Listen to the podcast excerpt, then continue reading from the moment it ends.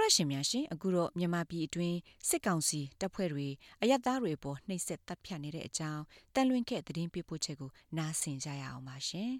အမျိုးမျိုးခါစားမှု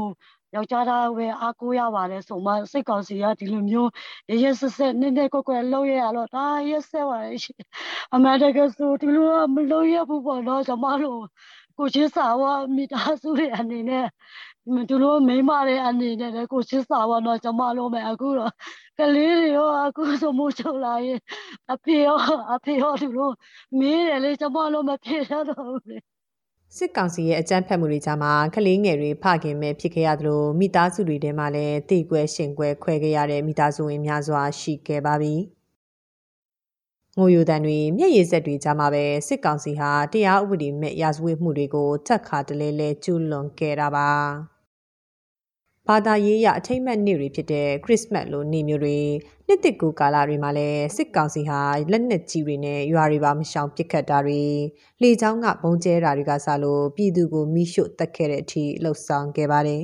။ပြီးခဲ့တဲ့ဒီဇင်ဘာ24မှာပဲကရားပြည်နယ်ဖရူဆိုမြို့နယ်မိုးဆိုရွာအနီးမှာပြည်သူ35ဦးဟာစစ်ကောင်စီတပ်သားတွေရဲ့မိရှို့တပ်ဖြတ်ခံခဲ့ရပါတယ်။ စစ်ကောင်စီဟာဒီလိုဖြစ်စဉ်တွေကိုသာမကပဲကျူးလွန်ခဲ့တဲ့အမှုတွေများစွာရှိခဲ့တယ်လို့ကရင်ပြည်နယ်လူ့အခွင့်အရေးလှုပ်ဆောင်သူဥပညာကဆိုပါတယ်။အနာတိုင်းဒီနောက်ပိုင်းမှာသူချင်းပြီးပါကျွန်တော်တို့ဒီအစီအစဉ်ရုံမြောက်တယ်လို့ပြောလို့ရတဲ့လူတက်မှုပေါ့နော်။ဥပမာဖြစ်ကျွန်တော်တို့ဒီဇင်ဘာ24ရက်နေ့မှာဖြစ်သွားတဲ့လူအစုလိုက်ကျွန်တော်တို့ဖန်စီတပ်ချပြီးရှို့တဲ့ဟာပါနော်။အာခိုင်ကန်ရှင်တီပေါ့နော်လူသားမျိုးမျိုးနဲ့သူ့ပေါ်မှာလည်းကျွန်တော်တို့လူတော့ရာဇမှုတစ်ခုပါလို့ပါနော်အဲ့ဒါကကျွန်တော်တို့ တက်တော့ဖြစ်သွားတာနော်အဲ့ဒီမတိုင်မီမှာလည်းအစီအစဉ်ကြီးများတဲ့အားတွေများရှိတယ်ဥမာဖြင့်အဲ့ဒီလူလူတက်မှုကိစ္စတွေပါနော်ကျွန်တော်တို့ဒီတွေကိုကျွန်တော်ဖန်ကြည့်တယ်ပြီးတော့မှတပ်ဖြတ်တယ်ပြီးတော့မှအလောင်းတွေကိုမြုပ်လာတာရှိတယ်အလောင်းတွေကိုမြှုပ်ထားတာရှိတယ်တရားစံတရားစံပုံမှန်လုပ်တယ်အဲ့ဒီမျိုးအမှုရအကုန်လုံးကကျွန်တော်တို့ရဲ့မတန်ရကတော့ဟိုကျွန်တော်တို့ဒီ80ကျော်ပါနော်နောက်ထပ်စီးရကြီးမြောက်နိုင်တယ်နောက်တစ်ခုကတော့ကျွန်တော်လူသားတိုင်းပဲကျွန်တော်တို့ဒီ လူသားတိုင်းကိုကျွန်တော်တို့ဒီသူတို့စပြီးတော့မှဒီလိုပြည်နေမှာဆို၅ချိန်ပေါ့နော်ဒီဒီနီနာဆိုအပလောပေါင်း၅ချိန်ဒီလိုအတုံးပြရရှိတယ်လူလူသားတိုင်းနဲ့ public consult ပြီးတော့မှနောက်ပိုင်းတည်ဆုံးသွားတဲ့ case တွေကျွန်တော်ထပ်တွေ့ရတယ်ဒီလိုမီးရှို့တက်ဖြတ်ခံထားရတဲ့တဲမှာအသက်အရွယ်ကြီးသူတွေကစလို့အသက်10နှစ်ကျော်အရွယ်အထိကလေးငယ်တွေပါဝင်ခဲ့ပါတယ်။ ကလေးတငယ်တွေအရေးကိုကူညီဆောင်ရွက်နေတဲ့ Save the Children ကဝန်ထမ်းနှစ်ဦးတာမကကားရီထော်လာကြီးတွေကစလို့အစုလိုက်အပြုံလိုက်မိရှုခံခဲ့ရတာပါဒီလောက်ရဟာစစ်ရာဇဝတ်မှုဖြစ်လို့ကမ္ဘာနိုင်ငံတွေကအမြန်ဆုံးအရေးယူနိုင်ရေးဝိုင်းဝန်းကြိုးပမ်းတင်တယ်လို့ညီနာမဟာမိတ်သုံးဘွဲကဒီဇင်ဘာ28ရက်မှာထုတ်ပြန်ခဲ့ပါတယ်။ ရခိုင်တပ်တော် AA မြန်မာအမျိုးသားဒီမိုကရက်တစ်မဟာမိတ်တပ်မတော် MNDAA နဲ့တအားအမျိုးသားလူမျိုးရေးတပ်မတော် TNL ညီနောင်မဟာမိတ်သုံးဘွဲ့ရဲ့အဲ့ဒီထုတ်ပြန်ချက်မှာတော့စစ်ကောင်စီရဲ့လုပ်ရဟာစစ်မြေပြင်မှာစောင့်စည်းရမယ့်စစ်ဥပဒေအယက်သားတွေပေါ်ကာကွယ်ပေးရမယ့်ဥပဒေတွေကိုမျက်ကွယ်ပြုခဲ့တယ်လို့လူသားမျိုးနွယ်စုအပေါ်ရည်ရွယ်ချက်ရှိရှိကျွလွန်ခဲ့တဲ့စစ်ရာဇဝတ်မှုဖြစ်တယ်လို့ဖော်ပြထားပါတယ်။ ဒီလိုရက်တွေကိုရပ်တက်နိုင်ရေးမှာနိုင်ငံတကာကပါဝင်ရောက်ဆွတ်ဖက်လှုပ်ဆောင်တင်တယ်လို့ဥပညာကဆိုပါတယ်။အခြေခံလူခွင့်ချုပ်ဖောက်မှုတွေကတော့အာဆက်ရှိနေမှာဗျာကျန်တဲ့ရှင်မချုံရတရွေးကတော့ဒီစစ်တပ်ကတော့လူမှုတွေပေါ်မှာကတော့ဒီမျိုးပဲဆက်ပြီးတော့မှအနေချင်းမှုတွေဟိုဟိုတက်ချက်မှုတွေတော့ဆက်လက်ကျနေမှာအဲ့တော့အဲ့ဒီဟာကိုတော့ဖြစ်တော့လို့ဘတ်တော့ကဖရန်ဆိုလို့အော်တုံလုံးဝတိုက်ထုတ်ပြီးတော့မှတိုက်ပြီးတော့မှအနိုင်ရဖြစ်နေတယ်ဒါပေမဲ့ နိုင်ငံတကာကနေလောကကိုဒီဟာကိုမဆမ်းမြနဲ့ဖြစ်ပြီးတော့မှဝင်ရောက်ဆက်တက်ပြီးတော့မှဒီဒီအချင်းချင်းကိုပေါ့နော်ရက်တန်းအောင်လုပ်တဲ့အချိန်မှဒါနေဒီဟာကရနိုင်မျိုးဖြစ်တယ်ကျွန်တော်တို့ကတခါကျရက်ဖို့အတွက်စောင့်လာကြနိုင်တယ်အဲဒါမှတတ်နိုင်ဆိုသူတို့ရဲ့လောက်ရတွေကိုပုံမှန်ထုတ်ပေါ်တင်ပြနိုင်ခြင်းအပြင်သူတို့ကလည်းမလုပ်ရဲမကန်ရဲအောင်ပဲကျွန်တော်လုပ်နိုင်တာအများကြီးရှိပါတယ်အာဥမာဖြင့် စူးစူးဝါလူခွင့်ချောမှုတွေကိုကျွန်တော်စက်တိုက်တင်ဆက်နိုင်မယ်ဆက်လက်ပေါ်ထုတ်နိုင်မယ်စက်တိုက်ပဲပြပေးနိုင်မယ်ဆိုရင်တော့ဒီအာဆိုဝါလူခွင့်ချောမှုတွေကိုဒီလိုရပ်မလာပေါ့နော်စစ်ကောင်စီဟာကရင်ပြည်နယ်တွင်းသာမကစကိုင်းတိုင်းအတွင်းကစလင်ကြီးချင်းပြည်နယ်အတွင်းကမင်းကျက်အပါအဝင်တိုက်ပွဲပြင်းထန်ရာဒေသတွေမှာပါဖျားကြောင်လူနေအိမ်နဲ့ပြည်သူတွေကိုမိရှို့တပ်ဖြတ်ခဲ့တာပါ ဒီဇင်ဘာလလယ်ပိုင်းကစပြီးတိုက်ပွဲတွေပြင်းထန်ခဲ့တဲ့ကရင်ပြည်နယ်လေးကစ်ကောဒေသမှာလည်းကြေးရွာတွေကိုသာမကစစ်ရှောင်းစခန်းတွေအထိပါလက်နက်ကြီးနဲ့မယမနာပစ်ခတ်ကြတွေလေရင်နဲ့ဘုံကျဲတိုက်ခိုက်တာတွေရွာတွေကိုဝင်ရောက်ပြီးပြည်သူပိုင်ပစ္စည်းတွေကိုယူဆောင်တာတွေနဲ့ဖျက်ဆီးတာတွေပြုလုပ်ခဲ့ပါတယ်ဇက်တိုက်ဖြစ်ပွားနေတဲ့တိုက်ပွဲတွေကြောင့်နိုင်ငံတစ်ဖက်ကန်အထိထွက်ပြေးတိမ်းရှောင်နေရတဲ့ပြည်သူတွေကိုလည်းတနက်နဲ့လိုက်လံပစ်ခတ်တာတွေကိုပါလှုပ်ဆောင်ခဲ့တာပါ ပျက်စီးဆုံးရှုံးမှုတွေများနေတဲ့ပြည်တွင်းအခြေအနေတွေနိုင်ငံတကာအဖွဲ့အစည်းတွေရဲ့လက်ရှိပါဝင်ဆောင်ရွက်မှုအပိုင်းမှာလည်းအားရစရာမရှိဘူးလို့နိုင်ငံရေးလှိလာသုံးသပ်သူတူကတော့ပြောပါတယ် ICC ရှိတယ် ICJ ရှိတယ်ကမ္ဘာကုလသမဂ္ဂလုံခြုံရေးကောင်စီရှိတယ်အဲ့ဒီအဖွဲ့အစည်းတွေအားလုံးကကျွန်တော်တို့ဒီရှေ့ရသွေးမှုကျူးလွန်နေတဲ့စကားစကူ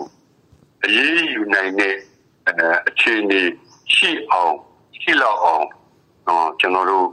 တောင်းတင်းနဲ့ကျွန်တော်တို့ဖိုင်မာတဲ့အဖွဲ့အစည်းတွေမဟုတ်ဘဲနဲ့လှုပ်ထုံးလုပ်နေရလေအလုံးကိုရှုပ်ထွေးပါတယ်အဲဒါကြောင့်ကုလသမဂ္ဂကိုတိုင်တဲ့အချိန်မောင်းလဲမနှဲတော့ပါဘူးနော် ICJ တင်ထားတဲ့ကိစ္စတွေကလည်းရှိပါတယ်နော်အဲ့တော့အဲ့ဒါတွေကတရားရုံးထုံးစံတိုင်းပေါ့ဗျာနော်အချိန်ကြီးသူတို့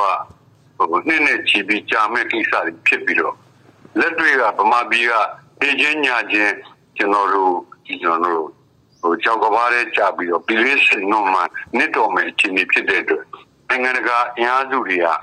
ကျွန်တော်တို့အားကိုးလို့ရတဲ့အနေအထားမရှိပါဘူးခင်ဗျာနိုင်ငံရေးအကျဉ်းသားများကူညီဆောင်ရှောက်ရေးအသင်း AAPP ရဲ့စီးရင်တွေအရစစ်ကောင်စီရဲ့အကြမ်းဖက်လှုပ်ဆောင်မှုတွေကြောင့်ကြာဆုံးခဲ့ရသူ1400နီးပါးအတည်ပြုနိုင်ခဲ့တယ်လို့ဖော်ပြထားပါတယ်။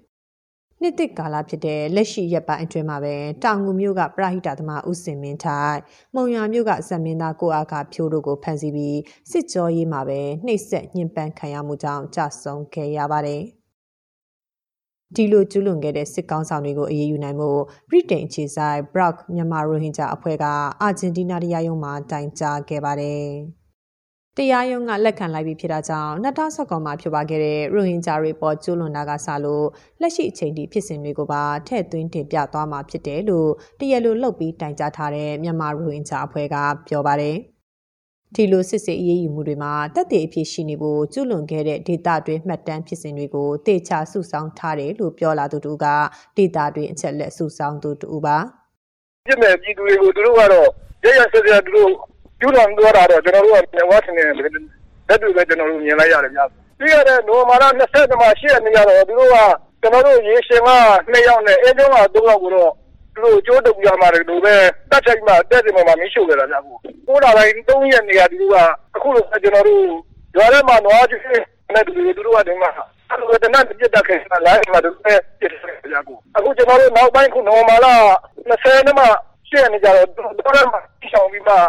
ပြည်နယ်ကြီးသူတွေကိုအပြစ်မဲ့ကြီးသူတွေကိုတို့အဲ့လိုပဲတိုင်းမှာပြီးတော့မှတဲပေါ်မှာမိပြန်ရှို့ထားတယ်ဗျာအကုန်လုံးလည်းမလောက်သူတို့လုတ်ခဲ့တဲ့လုတ်ရတဲ့နဲ့သူတို့ပြုကျင်ခဲ့တဲ့အားလုံးပေါင်းလမ်းစဉ်တွေဟာကျွန်တော်တို့မှာမှတ်တမ်းလည်းရှိတယ်ကျွန်တော်တို့မှာသူတို့လုပ်ထားကြတဲ့အဲတက်ချက်ထားကြတဲ့လူနာမယ်တွေလည်းကျွန်တော်တို့အကုန်လုံးရှိတယ်ဗျသင်းစရာလည်းရှိတယ်ဓာတ်ပုံလည်းရှိတယ်ကျွန်တော်တို့ကအားလုံးဟိုဘယ်တော့မှမမေ့နိုင်အောင်ဆိုပြီးမှကျွန်တော်တို့အဲ့ဒီကြာသွားတဲ့လူတွေအစကျွန်တော်တို့ကအုပ်ကူမှာတပီးထိုးစားမှာအကုန်လုံးလုပ်ထားတယ်ဗျအဲ့ဒီအမှတ်တမ်းတော့အကုန်လုံးရှိတယ်ကျွန်တော်ဒီမှာ မတရားအာဏာလူရဲ့တိတ်စီးကမှယူသွားတဲ့ဒီစစ်ခွေးတွေကိုကတော့ကျွန်တော်ကရှင်းရှင်းပြောမှဆိုကျွန်တော်ခံစားချက်ကတော့ကျွန်တော်ကကျွန်တော်တို့ပြည်သူတွေလိုလိုပဲသူတို့ပြန်ခံစားရပါစေလို့ကျွန်တော်အများအားဆုတောင်းတယ်အမျိုးသားညီညွတ်ရေးအစိုးရ NUG အနေနဲ့လည်းအာဏာသိမ်းပြီးချိန်ကစပြီးစစ်ကောင်စီရဲ့ကျူးလွန်ခဲ့တဲ့ရာဇဝတ်မှုတွေကိုမှတ်တမ်းတင်တရားစွဲဆိုဖို့လှုံ့ဆော်ခဲ့တယ်လို့လူ့အခွင့်အရေးဆိုင်ရာဝန်ကြီးဌာနကထုတ်ပြန်ခဲ့ပါတယ်။ တန်တမန်ရေးလမ်းကြောင်းအရကုလသမဂ္ဂလူ့အခွင့်အရေးကောင်စီကုလသမဂ္ဂအထွေထွေညီလာခံနဲ့ကုလသမဂ္ဂလုံခြုံရေးကောင်စီတို့စီအစည်းအဝေးခန်းစာပေးပို့ခဲ့တယ်လို့လည်းသိရပါတယ်။စစ်ကောင်းဆောင်မင်းအောင်လှိုင်ပါဝင်ကျူးလွန်သူတွေကိုဩစတြေးလျနိုင်ငံတရားရုံးမှာတရားစွဲဆိုဖို့လှုံ့ဆော်နေတယ်လို့လည်း NUG လူအခွင့်အရေးဆိုင်ရာဝန်ကြီးဦးအောင်မျိုးမင်းကပြောပါတယ်။နိုင်ငံရေးရတန်တမန်နည်းရအရေးယူလှုပ်ဆောင်မှုအတွက်ဒီကိစ္စတစ်ခုဟာဘယ်လောက်ထိစိုးဝါနေလဲအဖြစ်မှန်နေဖြစ်တယ်ဆိုတာကို ထက်ရှိသိရှိဖို့အတွက် online မှာပြောကြားတဲ့အချက်တွေမကဘဲနဲ့ခိုင်လုံသောအချက်တွေကိုကျွန်တော်တို့ပြုစုနေပါပြီမြန်မာနိုင်ငံမှာရှိတဲ့တန်ယုံတွေအပြင်ကမ္ဘာနိုင်ငံအသီးသီးရဲ့တန်ယုံတွေကိုနောက်တစ်ခါထပ်တွေ့ဖို့အတွက်သူတို့သိကျင်တဲ့ချက်တွေကိုကာယကံရှင်တွေကိုမေးမြန်းနိုင်မှုအတွက်ထပ်မံပြီးတော့ဆောင်ရွက်ပါတာမန်ဝမ်းနေတဲ့ဆိုတဲ့ကိစ္စမျိုးမဟုတ်ပါဘူးတနေ့တနေ့လူတွေသိနေပါတယ်တနေ့တနေ့စာထုတ်ရုံနဲ့မလုံလောက်တော့ဘတော့ဘူးဆိုတဲ့အချက်ကိုပြဖို့ဖြစ်ပါတယ် ဒီအချိန်ကအရေးယူလှုပ်ဆောင်ရမယ်ဆိုတဲ့အချက်အခုဆိုလို့ရှိရင်ကုလသမဂ္ဂရဲ့လုံခြုံရေးကောင်စီကကျွန်တော်တို့ထုတ်ပြန်ကြေညာချက်ထုတ်ထားတယ်ထုတ်ပြန်ကြေညာချက်တစ်စောင်ထုတ်ရုံနဲ့တရားမျှတမှုဖော်ဆောင်တာမဟုတ်ပါဘူးထုတ်ပြန်ကြေညာချက်တဲ့ပုံမှုပြင်းထန်တဲ့